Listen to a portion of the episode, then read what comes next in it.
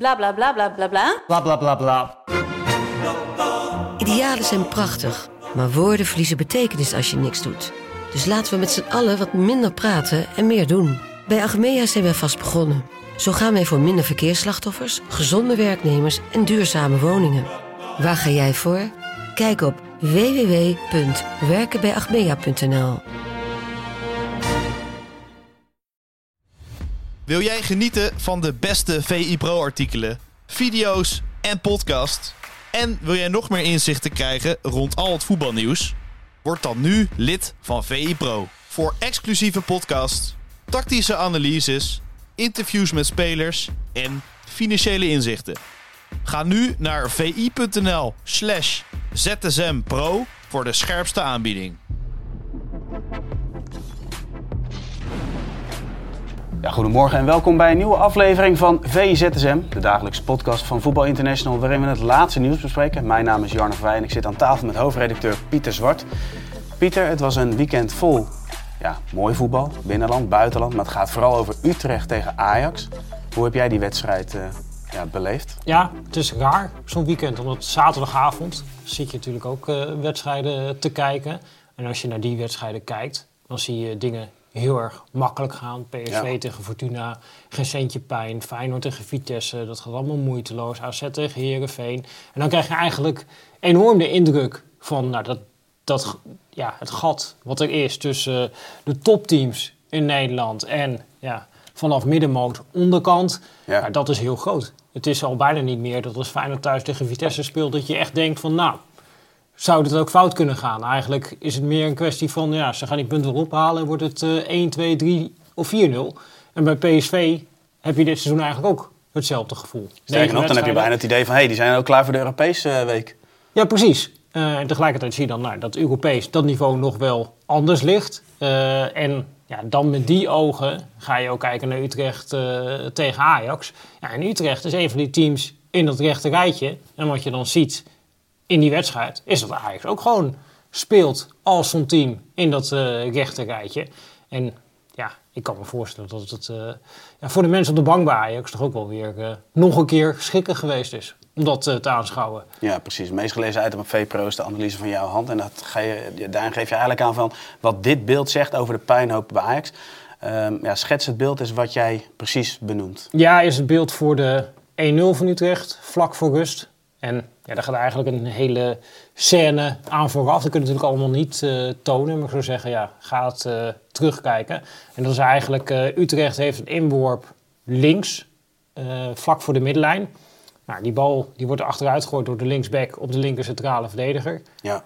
En ja, die loopt gewoon 10 seconden lang met de bal naar voren.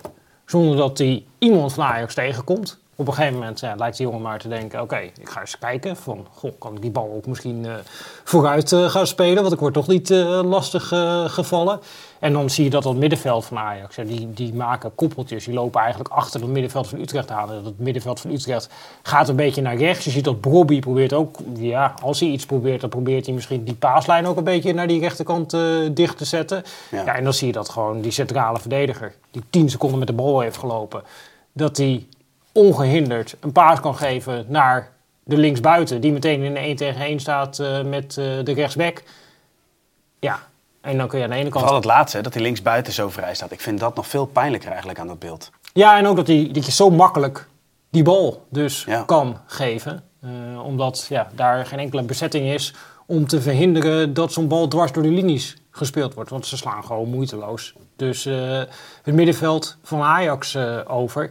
Ja, en dan sta je direct in de 1 tegen 1. En dan kun je er ook een keer voorbij lopen, een voorzet geven. En dan kan die bal ja, meteen binnengekopt worden of hij wordt dit gewoon weggekopt. Ja, dan kan een tweede bal kan ook een keer verkeerd vallen. Uh, alleen, ja, er zit denk ik ook een structureel aspect in. En, en, dat is ja, dit gedeelte, dat dus het zo makkelijk is om bij Ajax ja, in de 16 te komen bijvoorbeeld. Dat is normaal gesproken bij ja, topclubs is dat best wel ingewikkeld, maar ook in deze wedstrijd. En dat zie je bijna week in, week uit. Utrecht meer balcontact in de vijandelijke 16 dan dat uh, Ajax dat had. Ja, dat, dat is bijna onvoorstelbaar dat dat uh, week in, week uit gebeurt. Ja, precies. En vooral dan dat, dat defensieve Fortuna aspect. had het ook al bijvoorbeeld. Ja, maar het is toch wel schrikken dat dat defensieve aspect is niet... Het is niet voor het eerst. Het is echt wel een, een, structureel probleem. Daarnaast kun je wel zeggen, oké, ze scoren drie keer. Dat geeft uh, Stijn ook na afloop aan van, ja, uit bij Utrecht drie keer scoren. Dat zou voldoende moeten zijn. Maar als de structuur er niet is, dan blijkt dat dus wekelijks niet voldoende te zijn. Nee, hetzelfde met die laatste goal waar Maurice Stijn volgens mij op de persconferentie ook uh, weer over begon. Ja, voor mijn gevoel, en in die zin word je bij de moe van jezelf, hebben we dat nu ook al zeg maar acht keer besproken van, nou ja, beide backs zijn weg, uh, restverdediging. Alleen dat gebeurt toch, ja, elke week gebeurt het uh, weer. Nou, dan zegt Stijn, oké, ik heb het aangegeven en die spelers doen het niet. Alleen ja, ja, we hebben ook naar die, naar, aan de hand van die beelden van AZ laten zien van nou, dat bijvoorbeeld een oplossing kan zijn. Helemaal als je, want in dit geval was Gensje niet, die zou ook laag kunnen spelen. Ja. Nou, die guy die gaat gewoon naar voren, want die ja, is gewend als een veredelde rechtsbuiten te spelen. En Sosa als een veredelde linksbuiten. Nou, dat AZ, zou je kunnen zeggen, heeft min of meer een beetje iets soortgelijk met die Müller Wolven en met Sugawara. Maar die spelen wel met twee controleurs. Precies. Daarvoor. En dan heb je die van nog iets van een organisatie uh, achter de bal. En ik ook met drie. Maar als je ziet in die situatie, want dan gaat het veel over Sosa, dan gaat het veel over Guy en die zijn weg. Waar staat Taylor? Taylor staat voor Bergwijn. Nou, waarom was Ajax in die fase vlak na die 2-0 even goed? Omdat Taylor laag kwam in die opbouw als tweede controleur erbij. Beide Precies. goals beginnen met dat hij daar komt. Daardoor kan Sosa hoog staan, kan Bergwijn aan de binnenkant komen. Creëer je een extra man op het middenveld en dan kun je gaan voetballen. En ja, blijkbaar ja, is het dan heel normaal dat dat loopt. Je maakt twee doelpunten op die manier en daarna ga je gewoon weer in de spits staan. En dan gaat het alleen maar over, ja, die backs en die backs mogen niet weg. Maar dat, ja, dat de controlerende middenvelder in de spits staat, dat is blijkbaar prima. Ja, dat is het totaalplaatje. Overigens, als mensen dat echt terug willen zien, de tactiek op vrijdag van afgelopen vrijdag, daarin uh, bespreek je dat ook uitge uitgebreid. Daarin overigens ook de centrale verdediger van Brighton, hebben we toen besproken. Niet in tactiek op vrijdag trouwens. We hebben wel beelden op uh, VE Pro uh, gehad. In tactiek op vrijheid over Brighton gehad? Ja, over Brighton hebben we gehad, ja. Dus als je die terug wil kijken, dan, dan ben je helemaal op de hoogte. Uh, het allerbelangrijkste van nu, Pieter, is ja, wie lost deze crisis op? Want we hebben uh, wat, wat tijdelijke functies zijn, wat mensen zijn teruggestapt, die, uh, of ontslagen, laat maar zeggen, die die beslissing zouden moeten nemen. Ja, wie gaat deze crisis oplossen? Nou ja, het ding is, het zit nu zo ver, zijn ze onderweg, dat ja, het is niet meer dat je met een toverstaf kan binnenkomen en dat het opgelost is. Je speelt inderdaad donderdag tegen Brighton, je speelt zondag tegen PSV. En je hebt geen tijd om uh, daarin heel veel te trainen. Want dan is vandaag uh, hersteltraining. Nou, dan kun je misschien dinsdag of woensdag iets tactisch doen. Maar je hebt ook nog een reis uh, ja. erbij. Dus ja, misschien heb je één fatsoenlijke training op dinsdag. Ja, je kunt geen wonderen verwachten als zoveel fout gaat ja, dat kan niet in één keer kan dat allemaal opgelost zijn. Ook niet als je een andere trainer voor de groep zou zetten. Dus ja, het is denk ik vooral de zaak, en daar is natuurlijk uh, Louis Vergaal voor gevraagd, dat je op de ja, lange termijn bij die club dan weer een lijn uh, gaat uitzetten van ja, ja, wat is onze manier van spelen. Uh, nou, kort termijn moet er wel iets gaan gebeuren, Pieter. Alleen de vraag is, wat, wat kan je gaan doen? Want vorig jaar lag de oplossing eigenlijk, die lag intern. Sterker nog, die kon kiezen tussen Reiziger en Heitinga. Mm -hmm op dit moment valt er niet te kiezen. Nee, dus Stijn blijft, ja, voorlopig lijkt hij gewoon uh, te blijven zitten. Maar dat denk ik ook bij uh, ja, gebrek aan alternatieven. Ook als je op de Nederlandse markt gaat kijken. Ja, hoeveel goede Nederlandse trainers uh, kun je noemen die daarin instappen en waarvan iedereen het idee heeft, ja, die gaat het wel even doen. Louis van Gaal, maar dat kan niet. Nee. En met jou kennen, je bent er wel over aan het nadenken van wie zou dat dan kunnen zijn. En ik zat in de auto op weg hier naartoe, zit je ook te denken van ja, wie, wie zou dat dan kunnen zijn? Want je kunt denken vanuit de assistenthoek. Dan uh, nou, neem een Papijnlijn, dus Stijvenberg. Je zou kunnen kijken van oké, met een Ajax-verleden. Neem Mitchell van der Graag, die is volgens mij al, is die mm. naam is al eens een keer ja, genoemd. Ook assistent verleden, maar goed, ja. je hebt natuurlijk... Uh, ja, de recente geschiedenis, dat maakt natuurlijk ook altijd uh, impact. En met Alfred Schreuder is dat doorschuiven ja. van de assistent, als je dat op die manier wil benaderen. is dat natuurlijk niet goed gegaan. Dus ja, ga je dan nu weer zo'n soort uh, keuze maken? Nou, dat, dat zijn vraagstukken waar Ajax natuurlijk uh, voor staat. En ergens vind ik dan ook nog wel uh, ja, te prijzen dat een club niet meteen zegt... we gooien een trainer eruit. Alleen de andere kant van het verhaal is ook... ja, als je Stijn hoort, dan zegt hij heel veel dingen die hij twee maanden geleden ook al zei. En dan zit er dus blijkbaar ja, geen progressie nee. daarin. Ja, en dat moet wel een keertje gaan veranderen. Want ja, je staat ondertussen sta je zeventiende. Ja, wat, wat, nu we het over Stijn hebben, loos over. Maar wat, wat vond je van zijn reactie na afloop? Hoe bedoel je? Nou, hij geeft dan aan van, oké, ja, op sommige dingen heb ik geen invloed. Als, het, als Ajax denkt dat het beter is om mij te ontslaan, oké, wie ben ik om Ja, dat het is tegen natuurlijk te een gaan? kansloze vraag om te krijgen. Nee, dat weet ik, maar ik vind hem wel, en in die zin, ehm, in de vraagstelling daarvoor, ik vind hem nog wel steeds strijden dat hij zegt van, ja, ik denk dat ik het om kan keren. Dat geeft hij steeds aan. Mhm. En dat vind ik, ja, ik weet niet hoe jij daarnaar kijkt, maar ja, ik vind dat toch wel, nou ja, bijzonder eigenlijk. Dat je dat steeds, maar dat je er toch in, in blijft geloven. Ja, maar ja, wat hij natuurlijk ook aangeeft, hij is daar wel... Ja, eh, wat je er ook van vindt van de kwaliteit van het werk dat hij levert. Maar die is daar natuurlijk wel ja, mee bezig de hele dag. Dat, dat ratelt de hele dag door in zijn hoofd. Iedereen heeft een mening over eh, ja, wat hij daar eh, aan het doen is. Ja. Ja, en de- dat, dat gaat de hele dag door. En daar ja, leg je toch ziel en zaligheid in waarschijnlijk om er eh, wat eh, van te maken. En, en ja, als je dan niet meer het idee hebt van ik ga er toch nog iets van maken, ja, dan hou je dat ook helemaal niet vol, denk ik. Dus Nee, hij moet dat wel hebben. Maar zo'n laatste doelpunt, ik kan me voorstellen dat dat echt de, de, ja, de moed in de schoenen zak, laat maar zeggen. Maar pa- pak hem deze hele wedstrijd erbij. Want het, is ook, het zijn ook interessante beelden tijdens zo'n wedstrijd na die 2-0. Dan zie je hem toch strijdbaar, dat hij de boel toch probeert op te peppen. Vervolgens zie je echt de oprechte nou ja, ontlading bij de, bij de 2-2, zelfs de 3-2. Mhm. Maar dat moment bij Bergwijn, het is 4-3, laatste bal schiet hem huizig over. Vanaf dat moment, ik zag, hem, ik, ik zag de reactie op zich en ja, weet je, ook wel het idee van... Oké, dit is misschien wel mijn laatste wedstrijd geweest. Weet je, dat, dat, dat, je kunt dat best wel Nou, van iemand aflezen. Ja, nou, dat gaf hij ook wel even aan. Dat hij tijd nodig had om even voor zichzelf eh, het te verwerken voordat hij naar de supporters eh, ging. Ja. En blijkbaar kon hij daarna wel weer de knop omzetten. Dat hij het idee had van oké, ja, we moeten toch maar Ja, weer aan de knap. slag. En daar het eh, beste van gaan maken. En inderdaad, ja, in de positie waar hij zit. Als jij met Ajax 17e staat, je krijgt een heel land over je heen.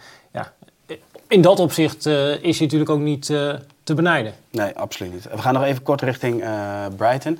Afgelopen vrijdag in tactiek op vrijdag ook over gehad van nou, hoe zou Ajax dus mogelijk kunnen spelen tegen Brighton. Ehm, hij moest ook niet naar City kijken. Wij hebben uiteraard wel naar City gekeken. Ja. Helft 1 eh, viel Brighton eh, behoorlijk tegen. In die zin was het niet herkenbaar zoals wat ze normaal doen. Na rust zag je wel weer een Brighton van wow. En dat kan wel een hele, tenminste dat gaat een hele zware wedstrijd voor Ajax worden. Dat denk ik wel. Dat denk ik wel. Dus ja, je zag, ja, die bleven druk zetten, bleven opbouwen. eh ja, zetten net wat dingen om en die maken er toch weer eh, een wedstrijd eh, van. Dus ja, dat, dat is indrukwekkend dat je ja, met zoveel ballen durft te spelen. Tegelijkertijd waren niet alle keuzes voor Roberto de Serbi erg gelukkig. Als je Nee. James Milner opstelt als rechtsback.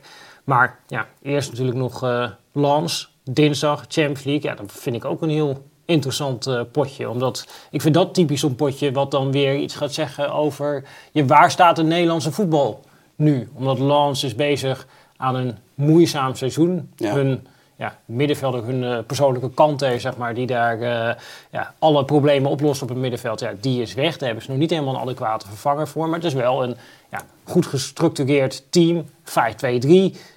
Dus Peter Bos kennen, in- dat gaat gewoon volle bak druk zetten, toch? Ja, zeker. Alleen dat ja, betekent wel, ja, je komt de structuur tegen die je in Nederland niet zo heel vaak tegenkomt. Eh, en in het verleden heb je wel vaak gezien dat ja, je op dit soort tegenstanders je juist stuk kan lopen. En dat je in afloop eh, met z'n allen zegt van ja, hoe is het nou mogelijk?